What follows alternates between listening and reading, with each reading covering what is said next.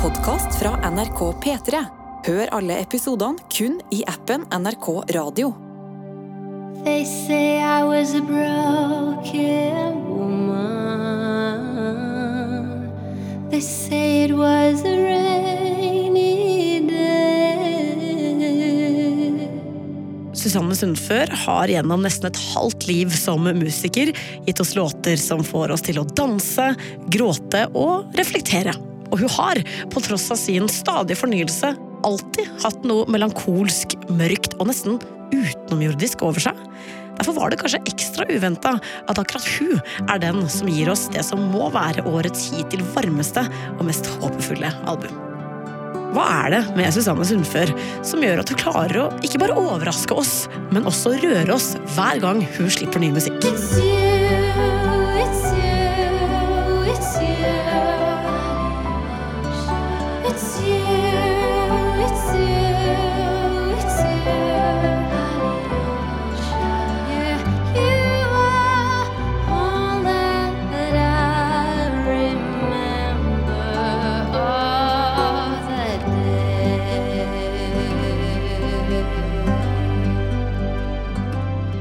Fleste artister synger jo til hodet vårt gjennom ørene, og er ganske flinke hvis de klarer å komme seg ned til hjertet. Men Susanne klarer liksom å synge til innvoller som jeg ikke visste at det var mulig å nå med musikk. Altså Det er ryggraden, det er leveren. Og hun er en sånn type artist som når jeg drar og ser henne live, så kommer jeg alltid rusta med en pakke Kleenex. Jeg veit hva som skal skje.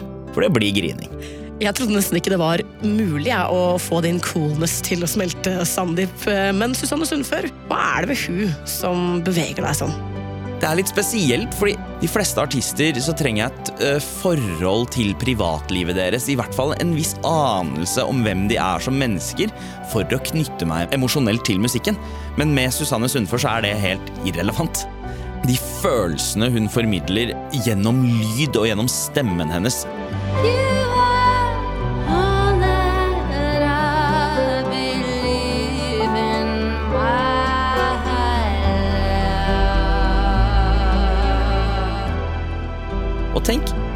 når du har de evnene, og nå i tillegg begynner å dele rørende ting om deg selv. Huff!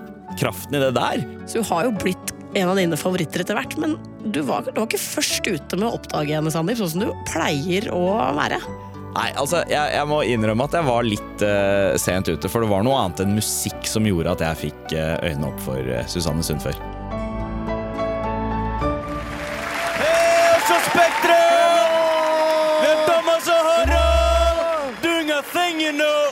I februar 2008 er hele Musikk-Norge samla i den største stua vi har, Oslo Spektrum, for å feire musikkåret som har gått.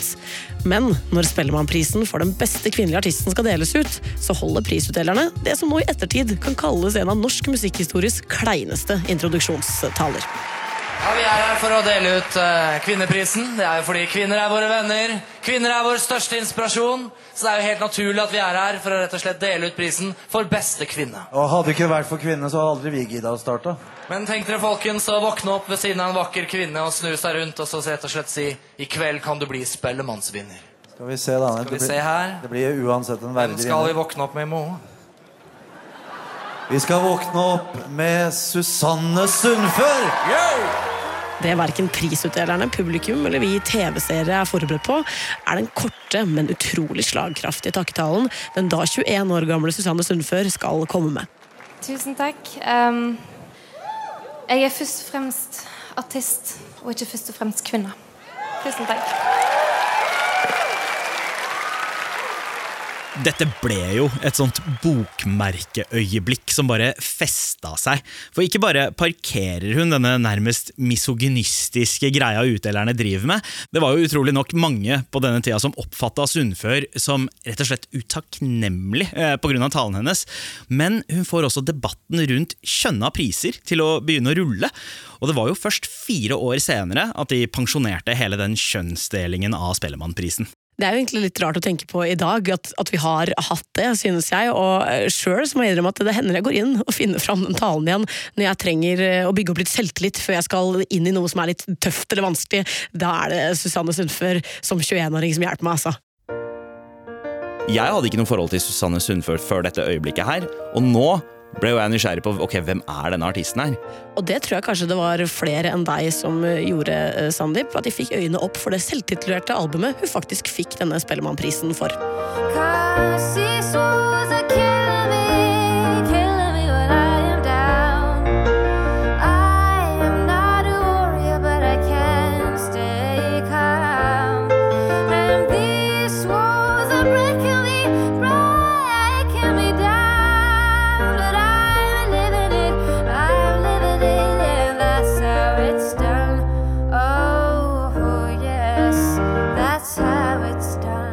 Rent uttrykksmessig så lå jo dette så langt unna den musikken jeg egentlig pleide å høre på. Og så skilte hun seg jo ganske ut i norsk sammenheng på den tida her. Bare for å sette det litt i perspektiv, så var Full pakke, altså den grandiose sangen, den var nummer én samtidig som Walls lå på topplistene. Dessuten var det jo helt umulig å ikke legge merke til den særegne stemmen.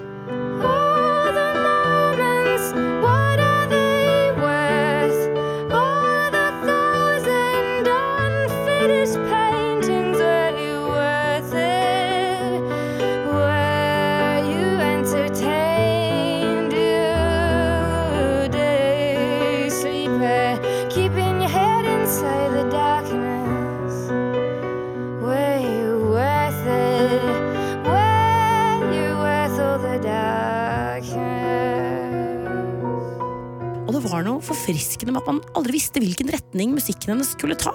Og denne uforutsigbarheten skulle bare fortsette. For de som trodde at Susanne Sundfør bare var en 70-tallsinspirert singer-songwriter som klimpra litt på piano, skulle få seg en overraskelse da hun i 2010 slapp albumet The Brothel. Purple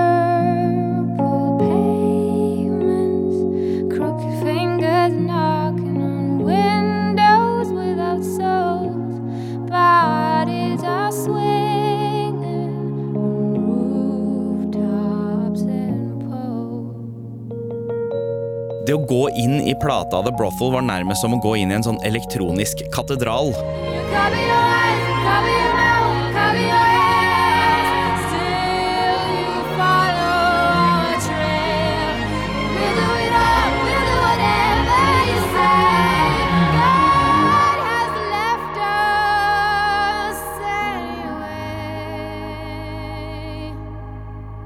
er jo veldig interessant det du sier, Sandeep, for mye av vokalen til Susanne er jo spilt inn i et av Norges mest berømte gravkamre. Emanuel Vigeland sitt mausoleum, der det ikke bare er 20 sekunder etterklang på alt man synger, men veggene er dekt med malerier av litt skumle, nakne kropper. Det er jo et ganske sånn, dystert sted. eh, Og jeg sto og sang i, i seks timer. Og um, etter kanskje tre-fire timer så begynte veggene å bevege seg. Da. Så da måtte, jeg, da måtte jeg ta en pause.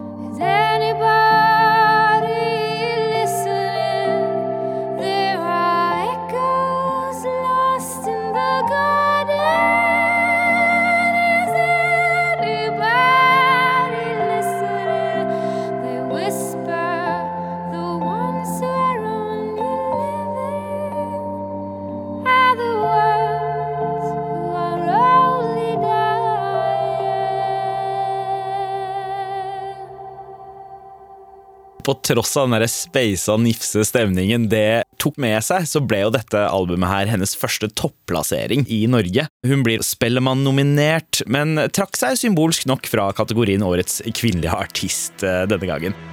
Susanne Sundfør er nominert i tre kategorier under årets Spellemann. Men i dag trekker hun seg fra nominasjonen til årets kvinnelige artist.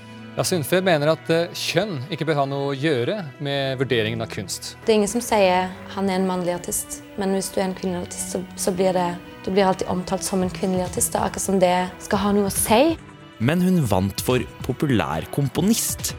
Og det er jo ikke rart, med tanke på måten hun blander det tradisjonelle og det klassiske med det elektroniske og det nye. Altså det vitner om en interesse for ny britisk eh, elektronisk musikk som Radiohead og Afex Twin og sånne ting, men likevel veldig planta i klassisk eh, musikkstruktur med tekster som du ikke nødvendigvis alltid skjønte, men det var ekstremt poetisk. So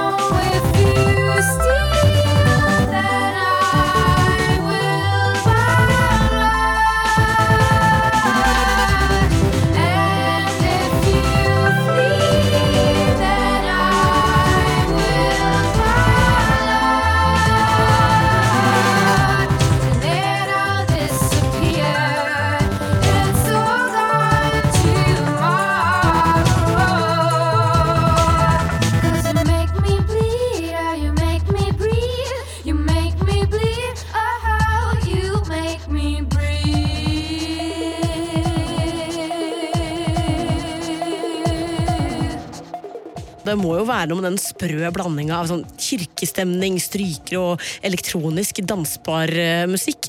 Og det blir jo også et lite eh, frampek mot eh, det som skal komme av musikk fra Susanne seinere. Men først så skal hun overraske oss alle med noe helt uventa. Hun blir rett og slett spurt av Oslo Jazzfestival om å lage et bestillingsverk, og får helt frie tøyler. Så hun lager en instrumentalkonsert med et orkester bestående av fire synter, og kaller det A Night at Sal Play.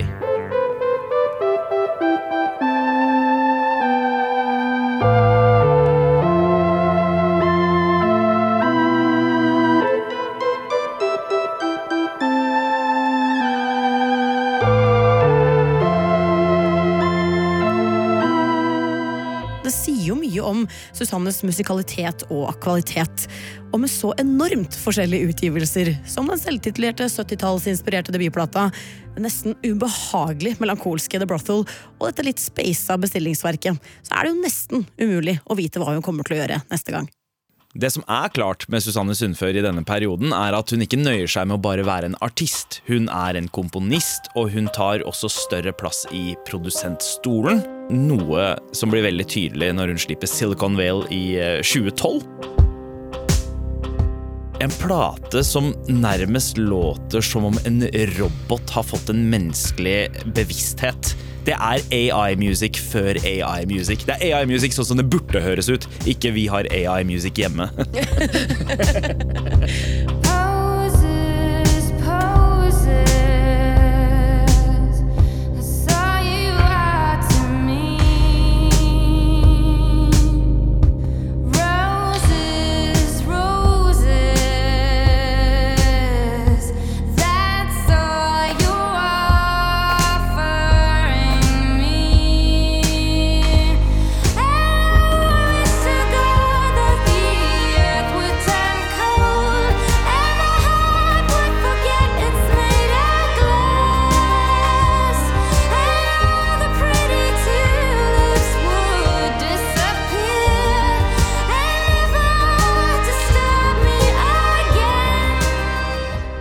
det jeg liker så godt med det albumet her, er at selv om det er mye mektigere og en mye mer detaljert produksjon, så er likevel vokalen ivaretatt. Altså Stemmen til Susanne Sundfør kler vel så godt en mer rytmisk og poppa innpakning som det mørke og dystre. Og det mørke og den dystrheten fra The Brothel har jo nesten blitt til en desperasjon på det albumet her. Stemmen hennes tas flere plasser. Hun virker nesten litt mindre som et menneske og mer som en slags gjenferd.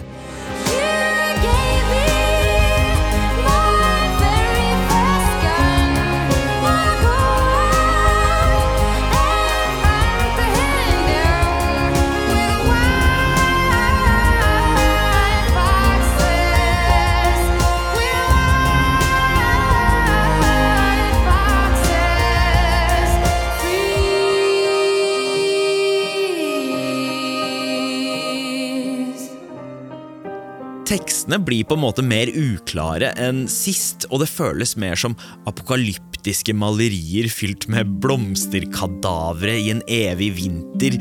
Man sitter rett og slett igjen med følelsen av at dette her er skrevet av en person som både er redd for kjærligheten, og kanskje også bare fanga i et uhelbredelig mørke. My skin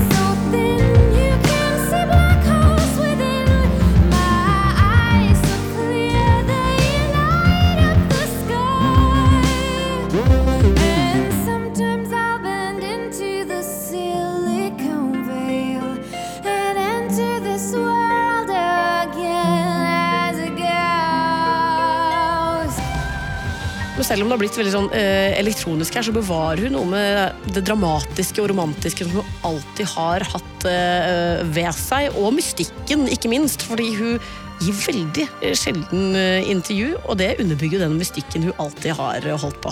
Og selv om The Silicon Vale eh, inneholder eh, Susannes særhet og særegenhet, så er den også et steg inn mot en mer kommersiell retning, og det leder oss inn på det som blir både årets mest overraskende og samtidig mest selvsagte samarbeid egentlig på en norsk scene.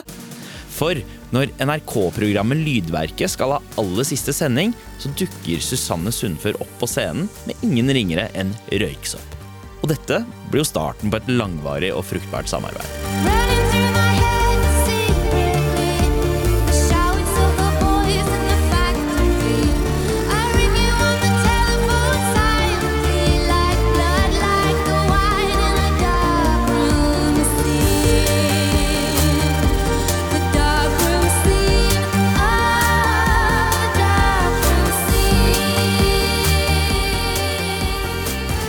Dette ekteskapet med elektronikaduoen Røyksopp det er jo en match made in heaven. Eventuelt kan vi jo kalle de Norges beste syntnerdelandslag. Det synes jeg passer ganske bra, da. Men samarbeidene som løfter Susanne Sundfør til en annen liga, de stopper ikke der, Sandeep. Nei, altså, jeg var i eh, Los Angeles april 2013. Og eh, det var én ting jeg hadde lyst til å gjøre. For vi hadde ikke en Imax-kino i Norge da. Så ville jeg oppleve en film eh, i dette brede formatet. Og den eneste filmen som eh, gikk på den kinoen akkurat da, var en Tom Cruise-film som het Oblivion. Jeg tente ikke alle pluggene, men jeg tenkte hvorfor ikke? Men så sitter jeg der og ser disse framtidsdystopiske bildene i det bredeste formatet noensinne. Og hvem sin stemme er det jeg hører lydlegge det her?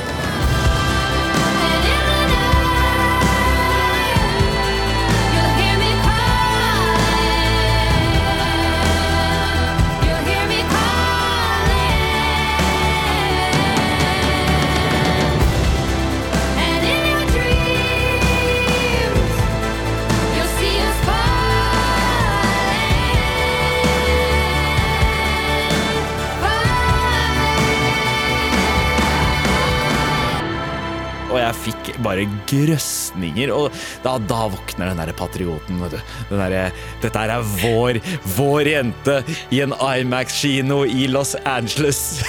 Du sitter på kino eller sånn "That- that- That's my girl! Ja. That's my girl! det er jo noe med, med oss nordmenn når vi ja, får, får kjenne litt på denne stolthetsfølelsen der. Og herfra så virka det som at det ikke fantes noen som helst grenser for hva Susanne Sundfør kunne få til. Let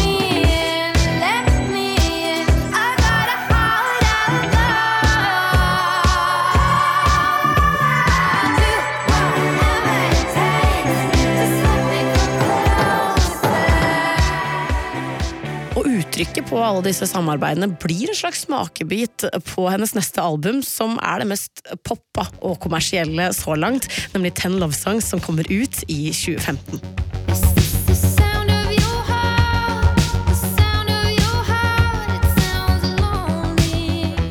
på denne plata så hører vi at den der synt-fascinasjonen til eh, Susanne Sundfør har fått noen veldig klare rammer. Det er veldig kantete, det er klubbete. Her vil hun ikke at man bare som en lytter skal sitte aktivt og, og grave inn i sitt indre. Nei, nei. Mor har vært på klubben, og hun vil at du skal danse akkurat som hun gjør. Ikke minst så får det albumet meg til å føle meg så innmari sjef. Altså, jeg er helt overbevist om at eh, noen har satt på fade away mens de er på vei for å gjøre det slutt med noen, og igjen få selvtillit fra Susanne Sundfør.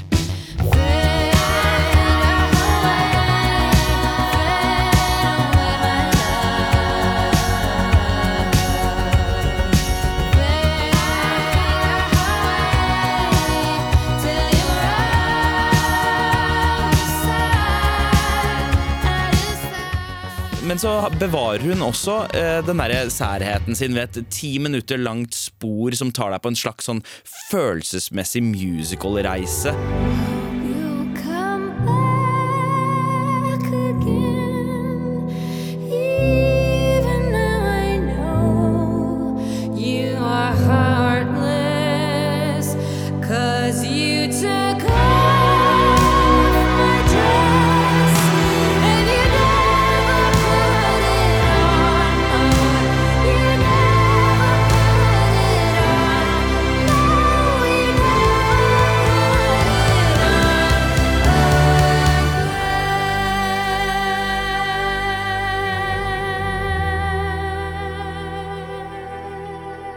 Tekstene hennes blir enda hardere og mer brutale. Det er ti låter som handler om de forskjellige ansiktene av kjærlighet. Og det kan være mørkt, det kan være lett, det kan være fint. Stort sett sånn sunnførsk brutalitet over det. Men herregud, for en popplate. Altså, det er ikke noe tvil om at dette her bare er en, så kul uh, plate, men jeg syns det kuleste av alt er jo at hun faktisk har tatt enda større plass i produsentstolen denne gangen og har produsert ganske så mye av denne eh, plata sjøl. Og det gjør jo at hun blir den eneste kvinnen som har vunnet i produsentkategorien på Spellemann. Den er det faktisk kun fem kvinner totalt som har vært nominert til gjennom eh, tidene. Det er helt utrolig. Jeg tror at det betød mer for Susanne å vinne den prisen, produsentprisen, enn noen av de andre. Og det at hun har tatt så mye plass, lager sin fremste popplate, det får jo også internasjonal oppmerksomhet. Eh, Jeg husker blant annet at eh, The Guardian, en av eh, verdens mest respekterte kulturaviser, rulla fem stjerner. Og top score, det er sjelden vare, ass. Og de kåra den også til en av eh, 2015s aller beste plater. Men det koster da å lage en så suksessfull plate, fordi arbeidet både før og etter utgivelse det tærer på en allerede litt sliten Susanne Sundfør. Og så var det ganske sånn heftig turnering etterpå. Og så hadde jeg det vanskelig psykisk. Jeg var på et vanskelig sted i livet. Og drakk altfor mye. Røykte altfor mye. Så jeg ble totalt utslitt. Det er jo ikke rart eh, at Susanne Sundfør er sliten på det her tidspunktet. Altså, hadde det vært meg, så hadde jeg lagt meg på sofaen spist potetgull og ikke gjort noe fornuftig i sikkert to-tre år. Men Susanne hun gjør det stikk motsatte. Hun pakker kofferten, og hun stikker av gårde. Jeg ville bare møte andre kulturer og andre mennesker og bare se verden. Fordi jeg bare trengte ny input, og jeg trengte liksom noe helt annet enn musikkbransjen. Og det tror jeg er en sånn felles um, Det er noe som går igjen da etter hvert album jeg slipper, at jeg trenger litt sånn avstand, da. For det er liksom Det er litt sånn vepsebol. Og selv om denne reisen kanskje ikke påvirka henne så mye musikalsk, så gjorde det noe med hennes eget syn på verden. et sånt skifte i mitt eget liv fra liksom misantropiske tendenser til mer sånn menneskeelskende menneske. Do you believe in reincarnation? Cause I thought I saw your soul flashing and dancing on the horizon. Shades of jade and emerald. Igjen så blir vi overraska, denne gangen med et mye mer folkinspirerte album som heter Music for People in Trouble. Så i motsetning til sin forgjenger så er ikke dette et album man spretter opp av stolen og danser til like lett. Hva er det vi får på denne skiva, Sandeep? Altså, Vi får jo det motsatte av det vi har fått på de tre siste platene. Elektronikken er nærmest eh, helt borte, og vi får en mye mer jordnær og nedstemt eh, Susanne, som skriver eh, tekster som kanskje Jeg vil ikke kalle det eh, nødvendigvis håpefullt, men kanskje har forsont seg med at verden skal gå under på en eller annen måte. Music for people in trouble. eh, det speiler nok eh, den krisen vi er i som planet. eh, klimamessig. Men det er fortalt på en veldig sånn lite alarmerende måte. Det er en musikk for å på en måte gi trøst og bygge aksept. Og er inspirert av jordas tilstand akkurat nå, og menneskers personlige forhold til naturen. Men En ting er jo tematikken på denne eh, plata. En annen ting er jo uh, det musikalske. Jeg leste VGs anmeldelse av, av den plata her, og han mente at det var uh, pretensiøst, men kompromissløst å gå en så annen retning etter å ha lagd tre så kommersielt suksessfulle album. Hva, hva tenker du om det, Sandeep? Og jeg tenker at eh, det er akkurat det man skal gjøre. Man skal, eh, man skal ikke lytte til hva folk vil ha fra deg. Det er du som skal, som artist, når du har den makta og de evnene Susanne har, da er det hun som bestemmer hva som er riktig for oss å høre på. Og hva vi trenger akkurat nå. Men det står jo også litt i stil med tematikken her. Det er krevende å forholde seg til alle utfordringene i verden slik den er i dag. Og livet hadde jo vært mye lettere med øynene lukket. Det hadde sikkert vært lettere å holde for ørene enn å bli med på den reisen du tar deg med på, på dette albumet også, men da hadde man jo gått glipp av noen. The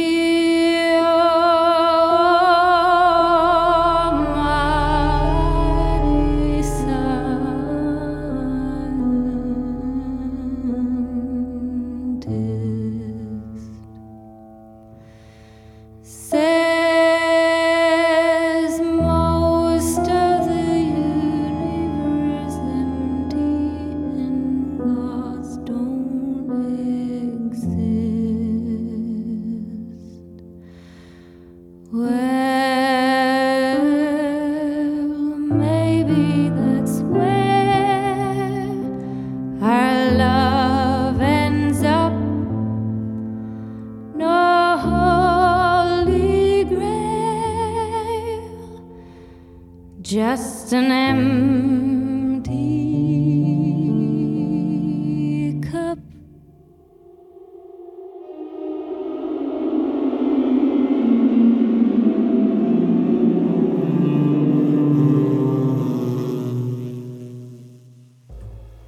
egentlig bare alltid vært interessert i musikk, og det har alltid vært et rom eller et sted der jeg har følt at jeg har vært helt fri, da. Og at jeg kunne gjort akkurat hva jeg vil. Og det har også vært veldig viktig i karrieren min, at jeg, at jeg alltid har kunnet lage musikk på mine premisser. Det er jo på mange måter det som kanskje gjør det spennende hver gang Susanne Sundfør skal slippe ny musikk. Altså, Hva er det du har behov for å uttrykke denne gangen? Som da hun i 2020 overraska oss med å lage filmmusikken til Margaret Olin-filmen 'Selvportrett'. En dokumentar om den nå avdøde fotografen og kunstneren Lene Marie Fossen.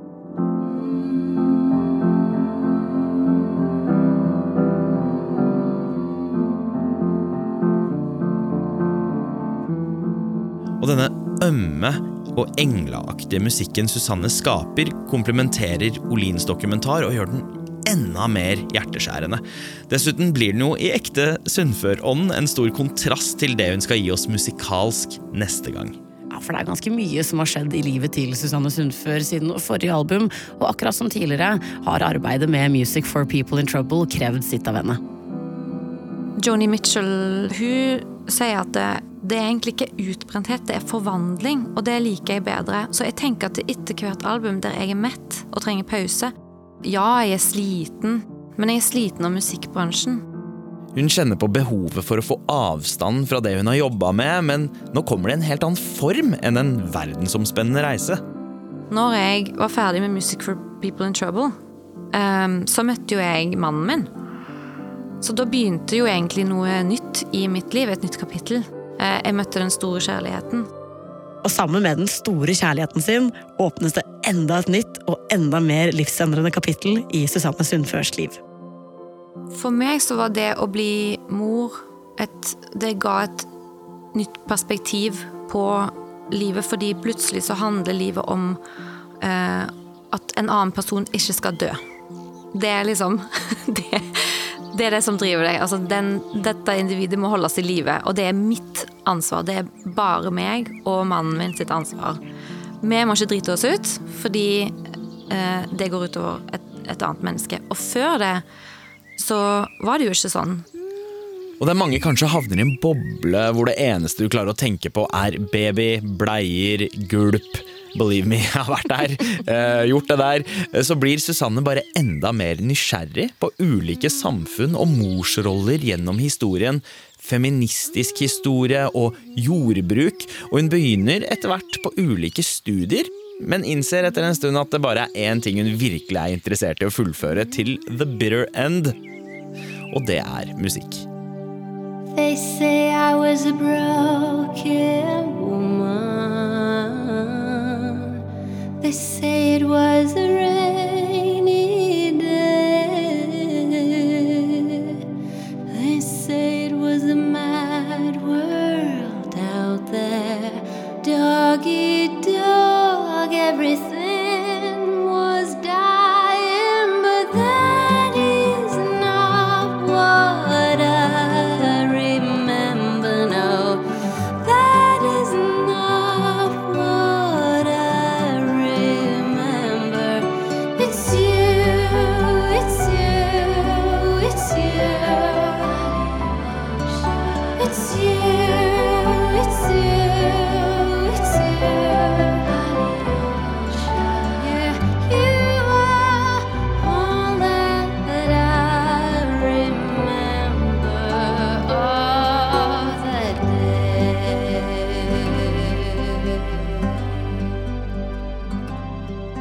Personlig er jo veldig glad for at Susanne Sundfør ikke har bytta beite helt enda. Da kunne hun aldri kjent på den euforien av å høre denne utrolig vakre låta for første gang. Og så får vi jo vite mye mer om musikken på plata også, for nå stiller jo Susanne opp på enda flere intervjuer enn vanlig med, med litt annen tone, og hun, hun snakker ganske åpent og ærlig både om musikken, men også om at hun har laget den fordi hun trenger å tjene penger igjen. Det er jo det er en jobb det her eh, også, men viktigst av alt så er det jo, eh, når du forteller om albumet, det er mer privat enn noensinne tidligere. Ja, altså, Som et eksempel. Den aller første singelen, 'Aljosha', er oppkalt etter en Dostojevskij-karakter. eh, Og det er på en måte hans idé om det ultimate mennesket. En god, nærmest perfekt person som bare elsker folk helt ubetinga. Og Susanne Sundfør har jo altså sagt at Aljosha minner henne om hennes egen mann. Og kona mi har aldri sagt noe så fint til meg. Det må jeg ærlig innrømme. Det der er en kjærlighetserklæring. ass. Skjerp deg. Nei, sorry Sandeep. Jeg syns du absolutt skal la deg treffe av teksten i Alyosha. Men denne åpne og mer private Susanne Sundfør blir jo enda tydeligere når hun slipper musikkvideoen til denne låta. For det er jo faktisk fra bryllupet deres. Ja, altså, Jeg turte ikke å se på videoen, jeg, fordi alle som fortalte meg om den, var sånn der Du kommer til å grine, du kommer til å grine, du kommer til å grine. Uh, og så så jeg den, og, og veit du hva? Jeg begynte ikke å gråte. Gjorde Nei. Hva skjedde? Jeg begynte ikke å gråte. I, men det var en følelse av umiddelbar sånn glede. Bare sånn wow!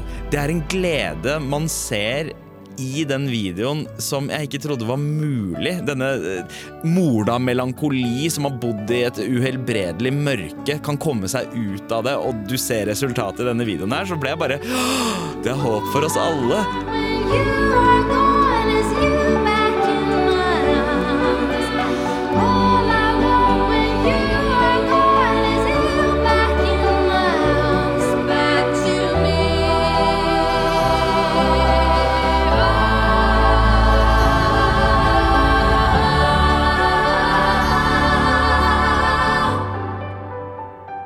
Jeg må si, jeg, jeg, fikk helt, jeg følte meg sånn lett i kroppen, og så var det én ting jeg liksom satt igjen med etterpå. Det var sånn Vi trenger hverandre.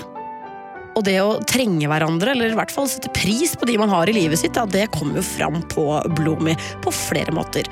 For som du kanskje legger merke til, så er flere av låttitlene på norrønt, som er en hyllest til bestefaren hennes, språkforskeren Kjell Aartun.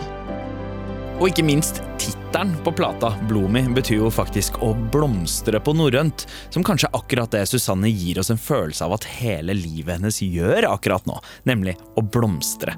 Ja, virkelig, for livet hennes har jo blitt snudd på hodet, men på en god måte, virker det som. Verden blir helt annerledes, da.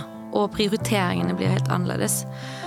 Så um, en ting som jeg har tatt mye mer seriøst, er grensesettinger, faktisk. Så jeg har jo blitt hva skal jeg si da, mentalt sunnere menneske pga. dattera mi. Fordi jeg vet at det, hvis jeg ikke har det bra, så har ikke hun det bra. Som noens eh, datter så er det veldig spesielt å, å sitte og, og høre på, på det her, eh, selv om jeg ikke har noe barn selv, men det får meg liksom til å tenke på at foreldrene mine har hatt et, et liv før de, før de fikk eh, meg. Det har jo også Susanne Sundfør hatt et liv før, hatt mus, musikk før. Nå er det helt andre ting som skjer. Eh, Sandeep, kan vi oppsummere litt? Jo, altså selv om livet til Susanne har hatt sine opp- og nedturer siden debuten hennes i eh, 2007, så virker det som at hun alltid har brukt musikken sin som et fristed for å få uttrykt alle disse følelsene hun sitter med. Og den fortapte, mørke Susanne, den varte ganske lenge. Den eh, frustrerte, men også veldig dansbare. Eh, mens nå så har hun kommet til en helt annen plass, eh, og en plass jeg altså beundrer, fordi jeg er småbarnsfar sjæl og veit hvor, hvor hardt det kan være. Og det å kunne bruke det derre tyngden av ansvar til å bli et bedre menneske Jeg visste ikke at det var mulig engang. Jeg lar meg inspirere, jeg noterer dette seinere. Men så er jo musikken hennes fortsatt Susanne Sundførsk i alle kvaliteter. Den er fortsatt sær. Det føles fortsatt litt ut som at det er et romvesen som har lært seg å bli et menneske, eller gradvis gjør det. Eh, og, og ikke, ikke et eh, romvesen på en sånn skummel eh, måte. Nei, en, en, en, en som er nysgjerrig på deg, og som du er nysgjerrig på, og som du gjerne har lyst til å ta en kopp kaffe med. Og så må vi jo bare være utrolig takknemlige for at hennes nysgjerrighet og utforskertrang det har jo blitt en musikalsk gave til oss. Nettopp fordi hun får uttrykt dette gjennom musikken sin, og det er kanskje derfor da vi stadig blir overraska og blir kjent med henne på ny. Ja, og denne nyeste versjonen av Susanne har jo nå ikke bare funnet den store kjærligheten i sitt eh, liv, men også laget et helt nytt menneske som hun har skrevet og dedisert albumet Bloomy til. Det må jo være årets nydeligste kjærlighetsbrev. Jeg vil si at um, når det kommer vanskelige perioder i livet, så, så um, må man bare komme seg gjennom det. Og så er det um, skygge og lys lever sammen på et vis. De utfyller hverandre, sånn at det, alltid når det er skygge, så finnes det et lys.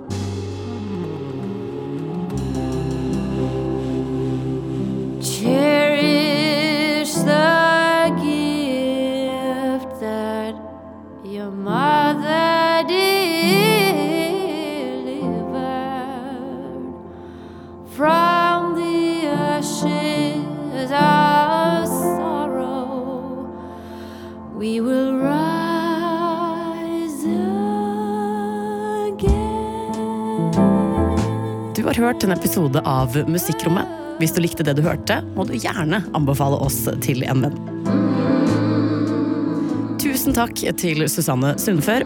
Denne episoden er laget av Sandeep Singh, Jean Kristin Sena, Amund Grepperud, Pål Gauslo Sivertsen, Ida Larald Brenna og meg, Anna Nord Sørensen. Redaksjonssjef er Ida Line Tangen. Du har hørt en podkast fra NRK P3. Hør alle episodene kun i appen NRK Radio.